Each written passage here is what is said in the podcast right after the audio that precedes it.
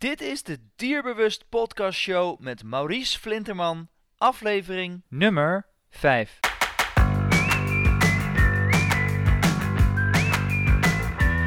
Welkom bij de Dierbewust Podcast Show, waarin je luistert naar experts die je voorzien van de beste informatie, tips en tricks op het gebied van honden. Vandaag gaan we in gesprek met een hele speciale gast. Een gast die ik al uh, vier jaar geleden uh, eerder geïnterviewd heb.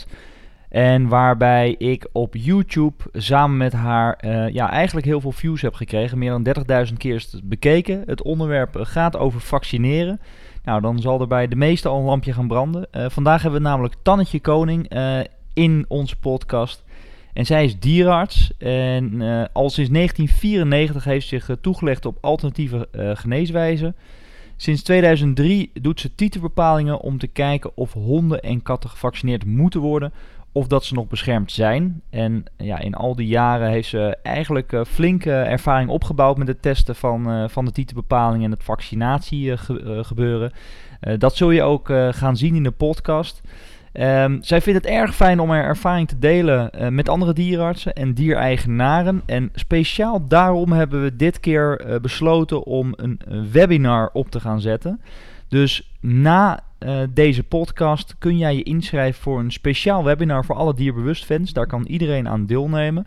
Het is wel exclusief, dus het wordt niet opgenomen. En ik zorg, zorg ervoor dat je deze ehm, podcast tot het einde luistert. Want het is sowieso een heel goed verhaal wat ze heeft.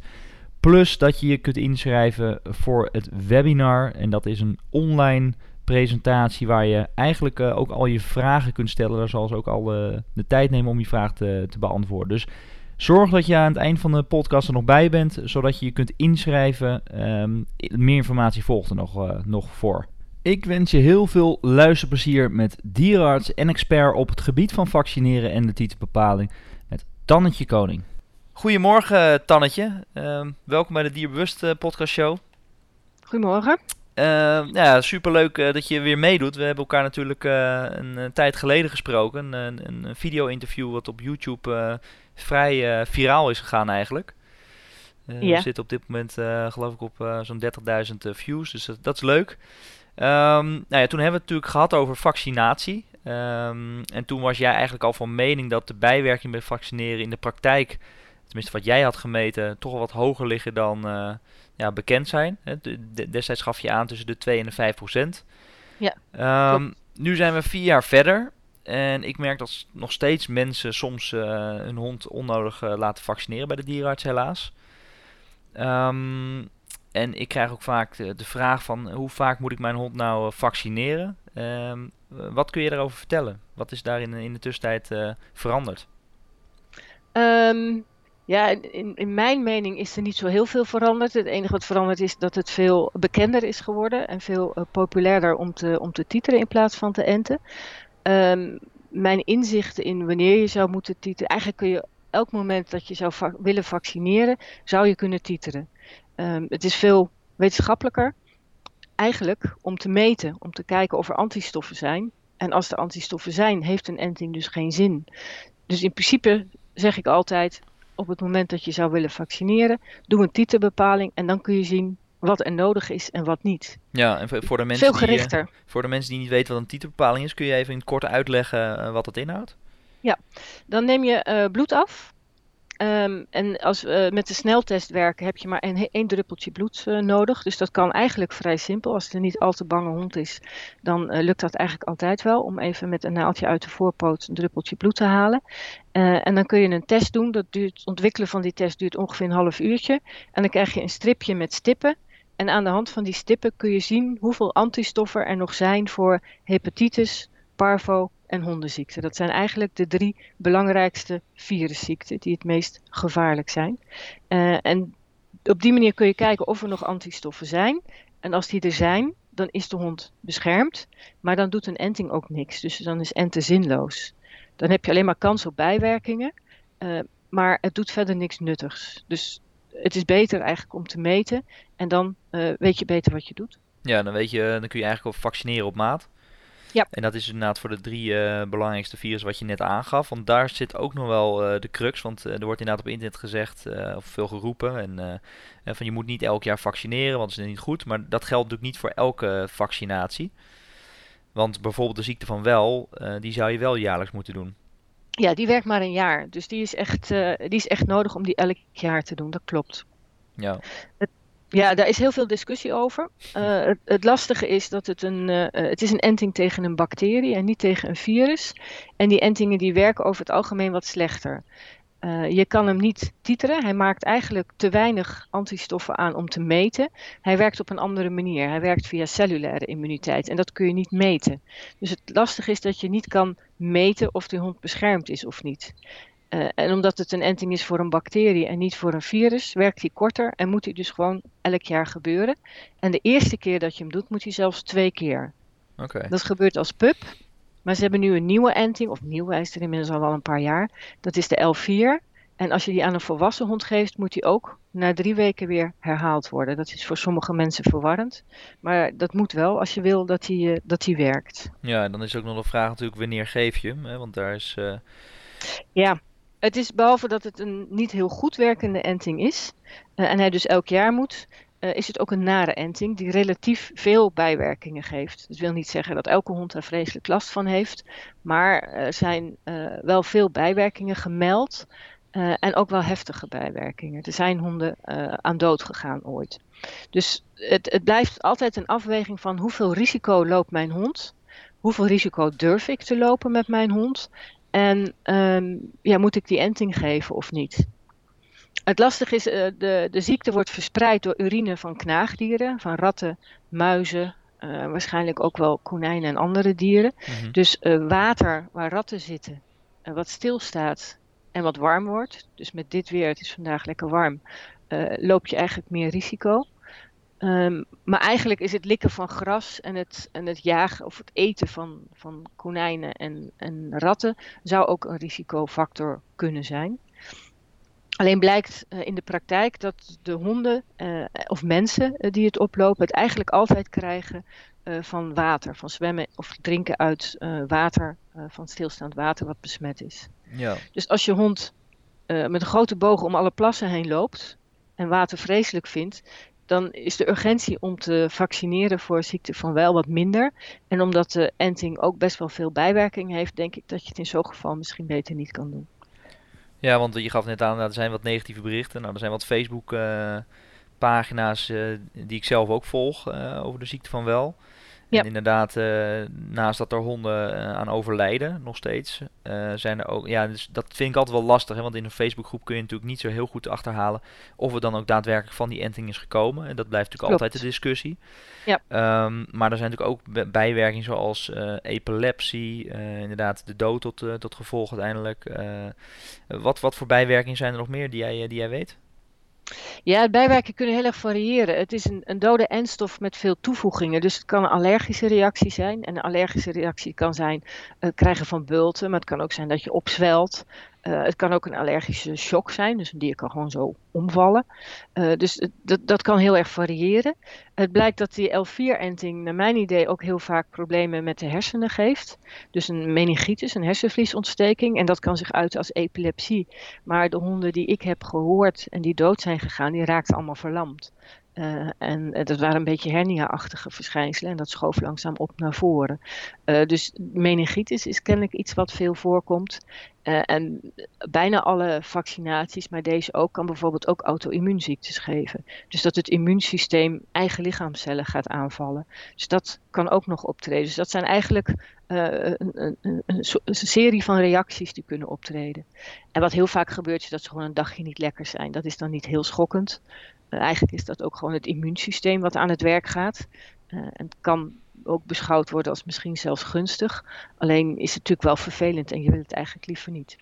Nee, ja, exact. Want als je dat soort uh, verhalen hoort, dan worden, ja, word, ik, ik word daar bang van. Hè, want je wil natuurlijk niks slechts aan je hond geven. Alleen ja, aan de andere kant is natuurlijk het, het risico op dat je hond daar wel die, het oploopt en uiteindelijk dus uh, met de dood tot gevolg uh, ook doodgaat. Ja, ja, precies. Het, het, het is een beetje een moeilijke afweging um, die je moet maken.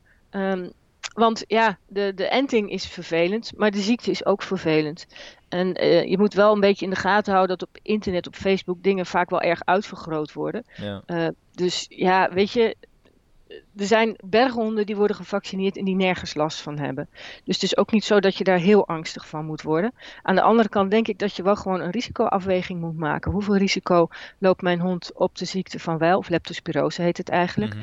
En uh, hoeveel uh, risico uh, geeft die vaccinatie? En het lastige is dat in Nederland niet wordt bijgehouden hoeveel honden leptospirose oplopen in een jaar. Bij mensen wel, er zijn gemiddeld 30 mensen per jaar die het krijgen. Alleen de laatste getallen zijn van 2014.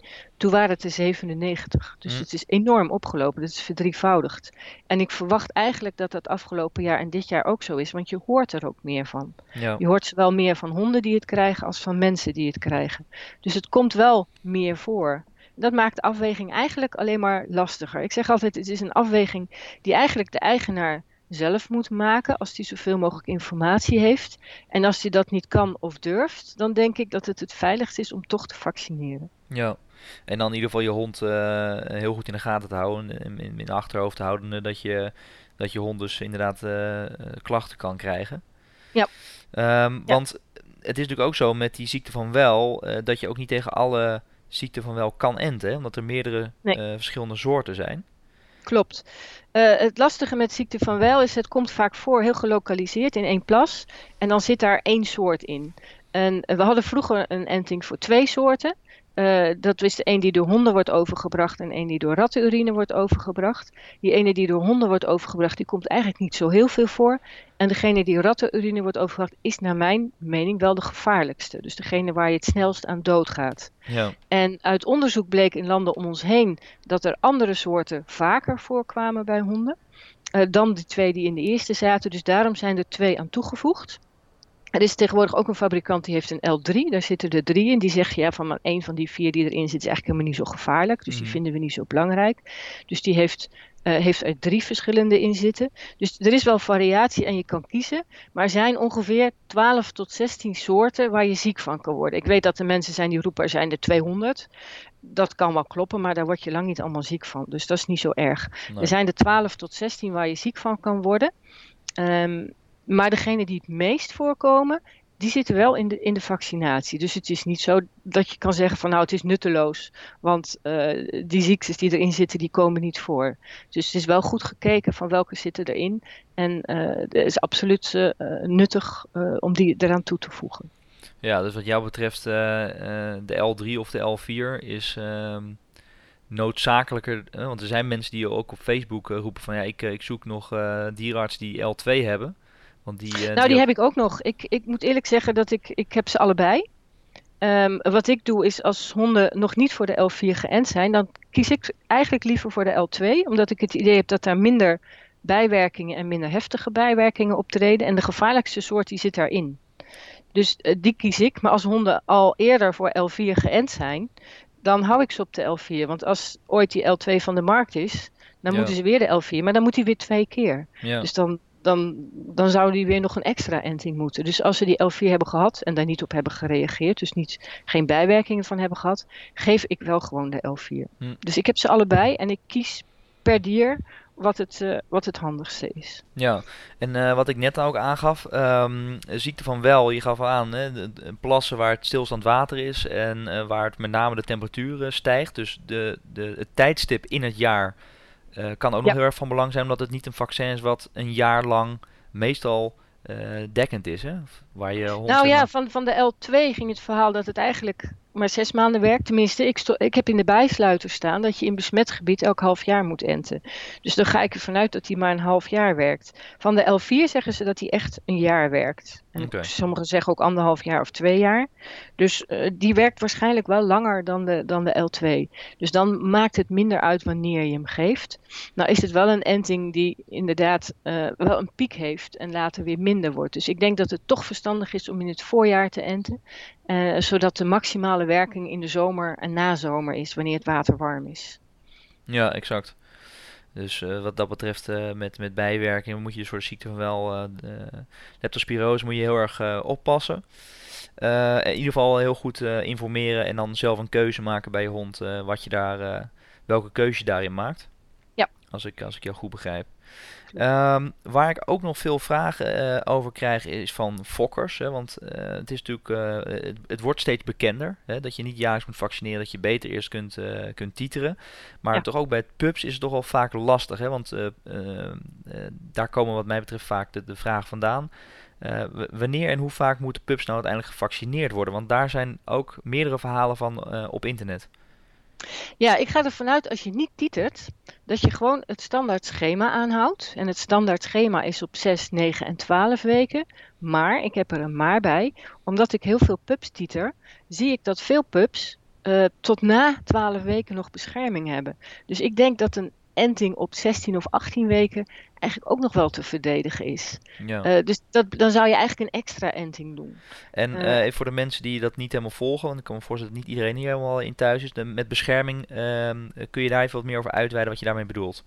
Ja, pups krijgen van hun moeder antilichamen mee. Die krijgen ze via de melk, waarschijnlijk ook een klein beetje via de baarmoeder, maar in elk geval via de, de eerste melk, de melk die ze de eerste 24 uur binnenkrijgen. Die nemen ze op en die, die antilichamen die blijven in het bloed en ergens naar, onze idee, tussen de 6 en de 12 weken is dat uitgewerkt. En dan uh, slaat een enting pas aan. Dus zolang die antilichamen in het bloed zitten, slaat een enting niet aan. En omdat wij niet weten wanneer die, ent, uh, die antilichamen weg zijn, enten we ze een aantal keren. En dan beginnen we op 6 weken. Uh, want er zijn inderdaad pups die op 6 weken al helemaal geen antilichamen meer hebben. Ehm, uh, en dan enten we ze op 6, 9 en 12 weken. En eigenlijk hopen we dan dat een van die entingen aanslaat.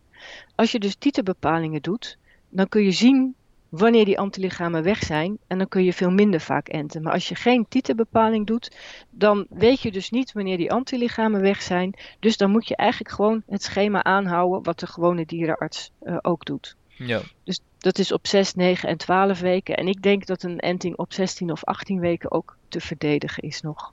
En dan op één jaar nog een keer. Ja, mits je het meet natuurlijk. Ja, als je het meet, dan kan je, kun je, kun je een heel ander schema maken.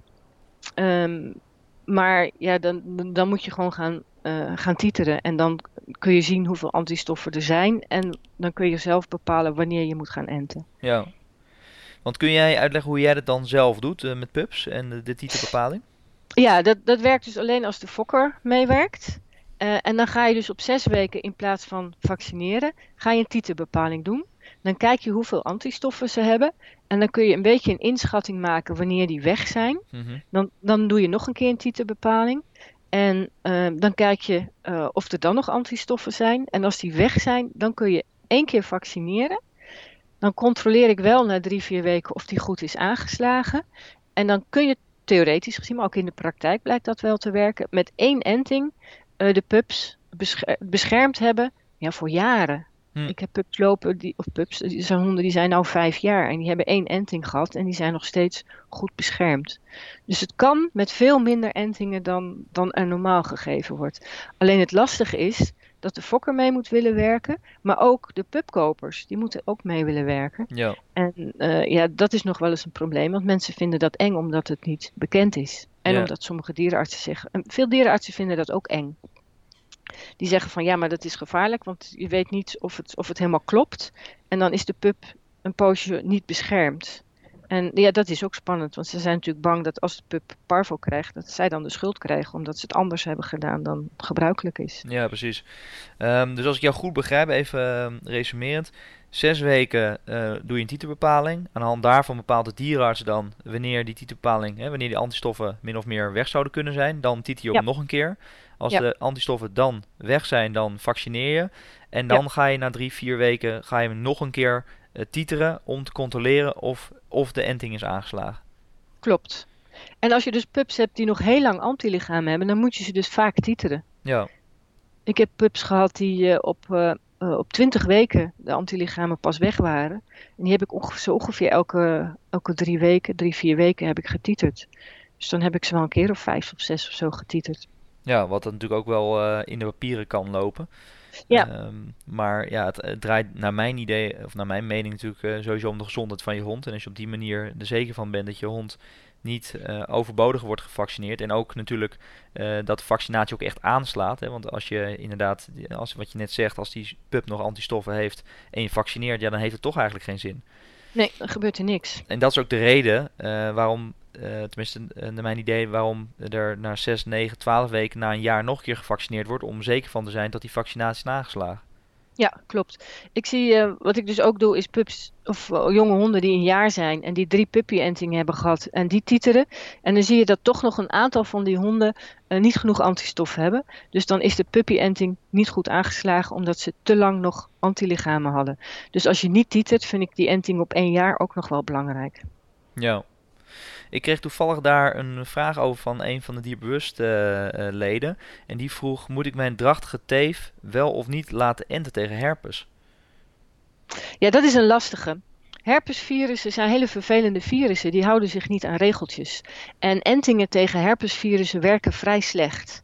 Dat zie je bij rhinopneumonie bij het paard, dat zie je bij herpes bij de hond. En niesziekte bij de kat is ook een herpesvirus.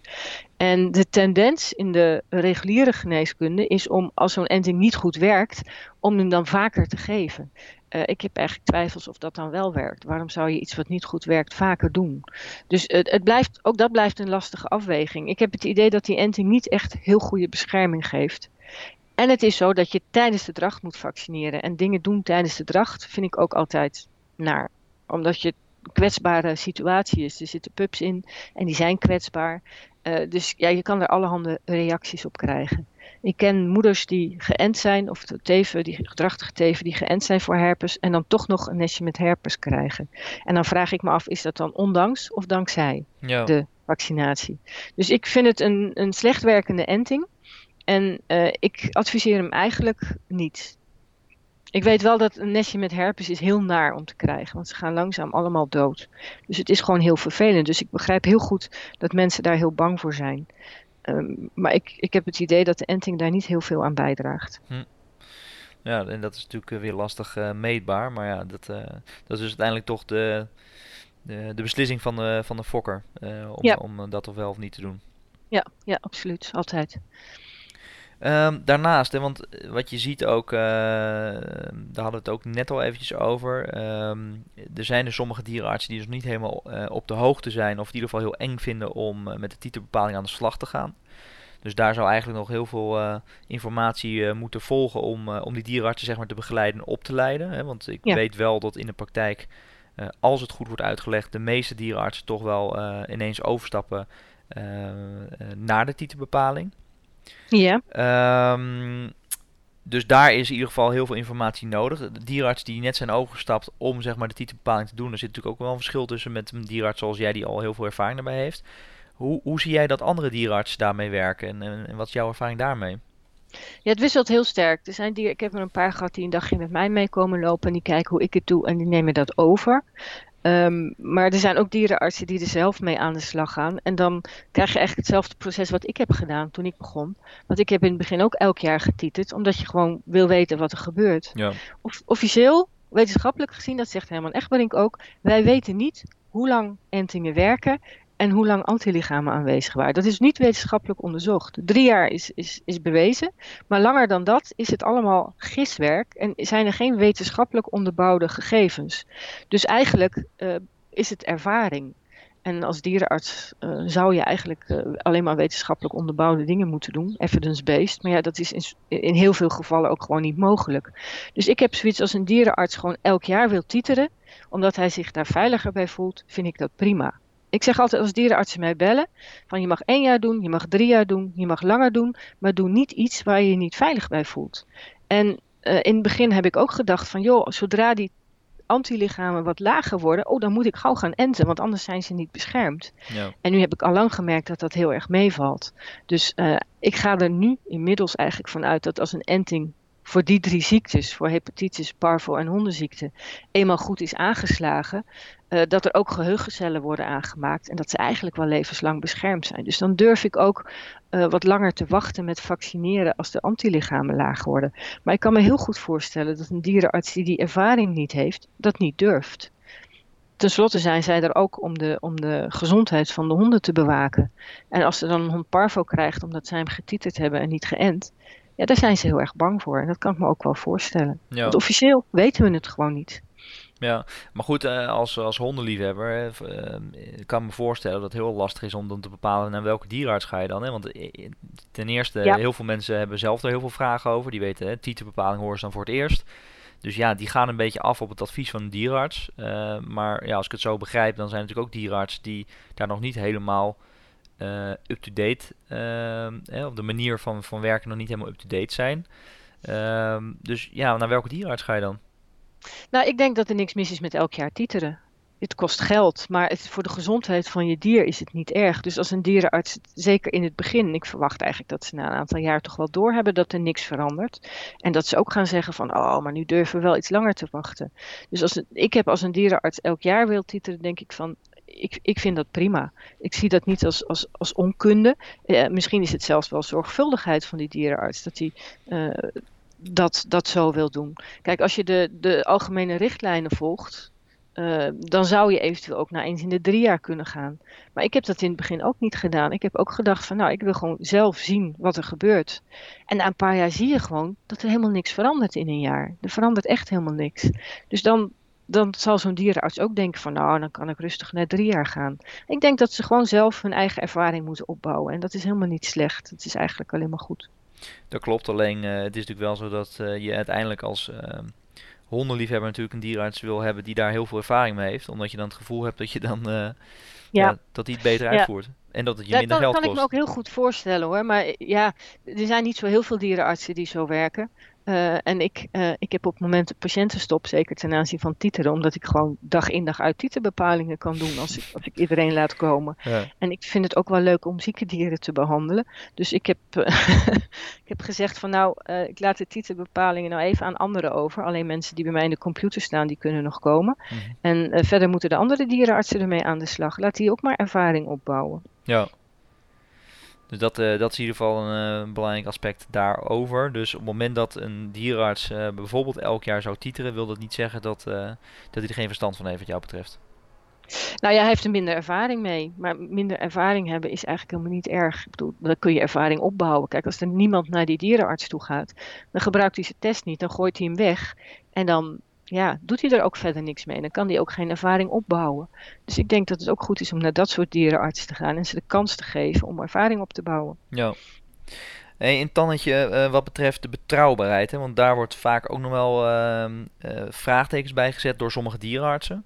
Ja. hoe kijk jij aan tegen de betrouwbaarheid van de titelbepaling? Want er is vrij recent weer een nieuw onderzoek naar gedaan, dus misschien kun je daar wat meer over vertellen. Ik weet niet welk onderzoek, je moet eerlijk bekennen dat ik die onderzoeken niet zo goed bijhoud. Um, nou, ik, ik doe dan meer op Animal Health, uh, die uh, heeft aangegeven dat de betrouwbaarheid zeg maar nog verder omhoog was gegaan van, ja. van de test. Klopt. Ja, de betrouwbaarheid zit boven de 90% voor de meeste, uh, voor de meeste uh, bepalingen. En eigenlijk is dat net zo betrouwbaar als een laboratoriumtest. Want mensen vergeten wel eens dat testen in het laboratorium ook niet 100% betrouwbaar zijn. Elke test heeft een bepaalde onbetrouwbaarheid. En die is bij de vaccincheck niet groter dan bij een laboratoriumtest. Dus in principe is die gewoon prima betrouwbaar. Het grappige is dat dierenartsen dag in dag uit ook andere sneltests gebruiken. Voor parvo, voor giardia, uh, voor schildklieronderzoek uh, en, en, nog andere sneltests zijn er. En daar hebben ze nooit vragen over de betrouwbaarheid. Of nooit, misschien hebben ze die ook wel. Maar niet zo heel stelselmatig als die van de vaccincheck. En uh, in principe is die gewoon net zo betrouwbaar als welke laboratoriumtest dan ook. Ja, dus wat jou betreft, dat, dat, er mensen zijn die zeggen, ja, je moet elk jaar vaccineren, want die titelbepaling, daar kun je niet, niet meten. Dat is wat jou betreft onzin. Ja, dat is ook onzin. Want wat ik ook zie is gewoon consistent wat eruit komt. Dat wat je het ene jaar meet, meet als, je, als je elk jaar meet, meet je het volgende jaar ook. Dus dat is voor mij ook al een aanwijzing dat het betrouwbaar is. Kijk, als je nou elk moment iets heel anders krijgt, dan, dan ik heb één keer een hond gehad die, die hele rare titels had, die heel erg steeg en toen weer heel erg daalde. En toen had ik zoiets van, oké, dan zit er toch een test binnen in die niet helemaal goed is gegaan. Dus, uh, en op zich komt het ook wel voor bij de vaccincheck dat er dingen, dat er geen controlestip is of dat de hele stick paars wordt. Of, dus dan, maar dan zie je ook dat het geen goede test is en dan moet je hem gewoon even overdoen en dan komt het wel goed. Dus er, er gebeuren wel dingetjes, maar dat heb, je, dat heb je overal en met elke test. Maar in principe, als gewoon een keurig afleesbare stick komt, dan is mijn ervaring dat het gewoon klopt met, met wat je elk jaar meet. En ik zie ook als de antilichamen weg zijn en je vaccineert ze, daarna wordt die heel hoog. Dus dan klopt het ook. Dus je ziet ook gewoon dat het logisch is wat er uitkomt. En dat is voor mij ook een bevestiging dat het gewoon klopt. Ja, Um, daarnaast, uh, naast de betrouwbaarheid heb je natuurlijk ook meerdere testen van, uh, van de titel bepalen. Want je kunt het ook in een laboratorium laten doen. Maar die, die doen jullie zelf doen jullie niet, hè? Nee, daar heb ik ook geen ervaring mee. Ik heb wel eens dat soort testen onder ogen gekregen. En wat mij opviel, dat ze alleen maar iets hadden van het getal 30 en het getal 100. Dus er, kwam, er kwamen wel getallen uit, maar niet, niet zo gevarieerd als ik verwacht zou hebben. Dus ik, ik denk, misschien heb ik ook moeite om dat te interpreteren, omdat er, omdat ik niet gewend ben om ermee te werken. Maar ik had het idee dat die test eigenlijk uh, wat grover was dan wat ik uit die factiecheck kan halen. Maar dat lijkt mij sterk eigenlijk, want in principe zou je er gewoon een getal uit moeten krijgen. Um, maar dat, dat, dat las ik daar niet. Dus ik heb één keer zo'n uitslag opgestuurd gekregen voor iemand om, uh, om te vergelijken met de factiecheck. En ik, ik kon daar niet zoveel mee. Ik had ook het idee dat er iets heel anders uitkwam dat er toen uit de factiecheck kwam. Dus ik vond het een, een ja, misschien moet ik het vaker zien of moet ik met zo'n laboratorium contact opnemen. Um, maar ik kon met die uitslag niet zoveel. Nee, helder. En, uh, want we hebben het nu, nu met name natuurlijk over de vaccinaties uh, die wij in Nederland uh, toepassen. Die regelgeving is natuurlijk per land verschilt dat weer. Um, en die vraag krijg je dan ook wel regelmatig. Wat doe je met vaccineren als je hond nou meegaat naar het buitenland? Of naar bijvoorbeeld een tentoonstelling of, of, of een, een, een hondenshow? Ja, in, in principe uh, voor het buitenland om de grens over te gaan is alleen hondsdolheid verplicht. En de andere entingen niet. Dus dan kun je getiteld hebben, dan kun je geënt hebben, dat maakt niet uit. Maar die hondsdolheid-enting die moet. En ondanks dat die wel titerbaar is, is dat niet rechtsgeldig. Dus die moet je verplicht eens in de drie jaar uh, doen als je naar het buitenland wil gaan. Alleen als je in het buitenland naar een show gaat, dan kan het zijn dat ze wel uh, ook de andere entingen verplicht stellen. Maar dat ligt dan aan de show en dat ligt dan niet aan het feit dat het buitenland is. Ja. En de, dat wisselt per land. Uh, ik, ik, ik, weet dat ze in België ook wel bezig zijn met, met titeren. En volgens mij, het verandert om de havenklap, dus ik hou het weer niet heel goed bij. Is, mag het bij volwassen honden wel? Um, en, maar is dan weer de leptospirose verplicht, geloof ik. Um, maar dat is iets wat je gewoon zelf even op moet zoeken. En zeker ook na moet vragen als je naar een show in het buitenland gaat. En ik denk ook goed dat het goed is om het na te vragen. Om ook vragen te stellen over dat titeren. Zodat ze ook weten uh, dat er interesse voor is. En dat het urgent is dat ze erover na gaan denken en er iets mee gaan doen. Ja, precies. Want uh, dat is natuurlijk. Uh, het, het, het, patroon is, is nu na vier jaar is het. Uh, na het interview wat we hebben gehad op YouTube is het vrij ingezet, moet ik zeggen. Dus ja. wat dat betreft wordt er steeds meer bekendheid aangegeven. Zijn er steeds meer mensen die, die wakker worden, gelukkig. Ja. Um, en ja, dan is het eigenlijk hetzelfde als je hond naar een, een hondpension gaat. Want je hoort het ook nog eens als ik, als ik naar puppyles ga of. of je gaat dan dus naar een hondenclub of jouw hond die uh, ja, gaat waar na naartoe, ook in, in Nederland, dan zou, eh, welke verhalen ze ook uh, geven, zou in principe die titelbepaling gewoon voldoende moeten zijn ja. om, ja, is... om naar binnen oh, te kunnen komen. Ja, dat is het mooie. In Nederland heeft inmiddels de Raad van Beheer um, bij volwassen honden titelbepalingen geaccepteerd. En dat heeft ervoor gezorgd dat de dierenpensions en de hondenscholen het eigenlijk ook veel beter accepteren. Op zich staan zowel de hondenscholen als de pensions vrij om zelf te kiezen of ze het accepteren of niet. Maar eigenlijk komt dat er meestal op neer dat ze er of onbekend mee zijn of dat ze het accepteren. Dus de acceptatie binnen Nederland begint eigenlijk al heel aardig uh, op gang te komen. Ja, en anders dan kunnen ze dit interview laten horen. Dan kunnen ze alsnog uh, laten zien dat het, uh, dat het gewoon klopt. Heel goed, uh, Tannetje. Nou, dan hebben we de meeste vragen denk ik wel beantwoord. Ik weet niet of jij in de praktijk nog gestel, veel gestelde vragen krijgt over vaccineren of over de titelbepaling die, die we mogelijk niet hebben belicht in dit interview. Ja, er zijn altijd heel veel vragen. Um, ik heb er zo gauw geen waarvan ik denk, die moet even. Nou ja, het enige wat ik heb, dat is meer voor dierenartsen, maar ook wel voor eigenaren. Um, als je de vaccincheck doet en je vindt een stip die lichter is dan de controlestip, maar je ziet nog wel een stip, dan slaat een enting nog steeds niet aan. En dat is een situatie die veel dierenartsen heel eng vinden. Want eigenlijk als de stip lichter is dan de controlestip, zijn er onvoldoende uh, antistoffen. Uh, hoewel dat inmiddels is bijgesteld, als het, een, uh, als het net iets lager is, dan is het zwak, zwak positief, noemen ze hem tegenwoordig. maar alleen als die heel licht is of weg is, dan pas slaat een enting aan. En zelfs dan slaat hij vaak nog heel slecht aan. Dus ik raad altijd aan om lang genoeg te wachten met vaccineren. En ik weet dat vooral veel dierenartsen dat heel eng vinden. Um, maar ja, het heeft geen zin om eerder te enten. Dat is ook iets wat ze eigenlijk zelf moeten ondervinden, denk ik. Dan vaccineren en dan zien dat er niks gebeurt. En dat er ook na drie jaar nog steeds uh, niks gebeurt. Dus dat je echt gewoon heel rustig moet wachten tot de stip zo goed als weg is. Ja, ja helder. Uh, nou ja, een goede toevoeging denk ik. En als er vragen zijn, nou ja, jouw tijd is ook niet onbeperkt. Ik weet dat je heel druk bent, maar uh, mensen kunnen natuurlijk onder op het blog straks hun vragen stellen. En dan zul jij misschien ook wel nog af en toe even je oog op willen, willen hebben. Om die, om die vraag in ieder geval te beantwoorden. Uh, zodat yep. nou ja, de, de meeste vragen geval beantwoord zijn.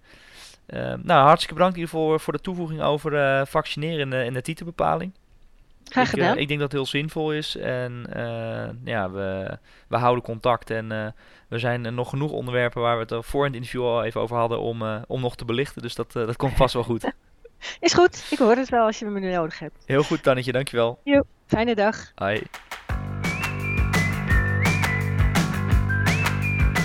Bedankt voor het luisteren naar onze podcast met Tannetje Koning. En ik hoop dat je ervan uh, genoten hebt. Zoals ik in het begin van deze podcast heb aangegeven, kun jij je inschrijven voor onze Dierbewust um, webinar. Wat wij samen met Tannetje Koning gaan geven over alle vragen die te maken hebben met vaccineren en factiecheck uh, slash titelbepaling. Je kunt je inschrijven via onze website. Uh, onder dit blog zie jij een link staan waarin staat klik hier om naar het interview met, uh, of het interview, klik hier om naar het webinar te gaan met Tannetje Koning. Klik daarop, meld je aan met je e-mailadres en jij wordt op de hoogte gehouden. Dit webinar gaat plaatsvinden op 7 september om half 8. Ik herhaal, 7 september om half 8. Dat is op een woensdagavond om al jouw vragen omtrent vaccinatie slash titelbepaling te bespreken en te beantwoorden. Ik hoop dat je erbij bent. Meld je aan met je e-mailadres op de link. Klik hier om je aan te melden voor het webinar met Tannetje Koning.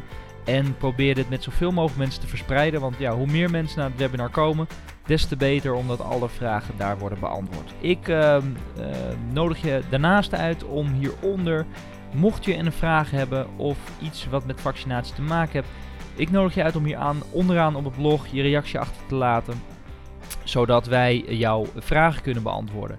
Bedankt en tot de volgende keer.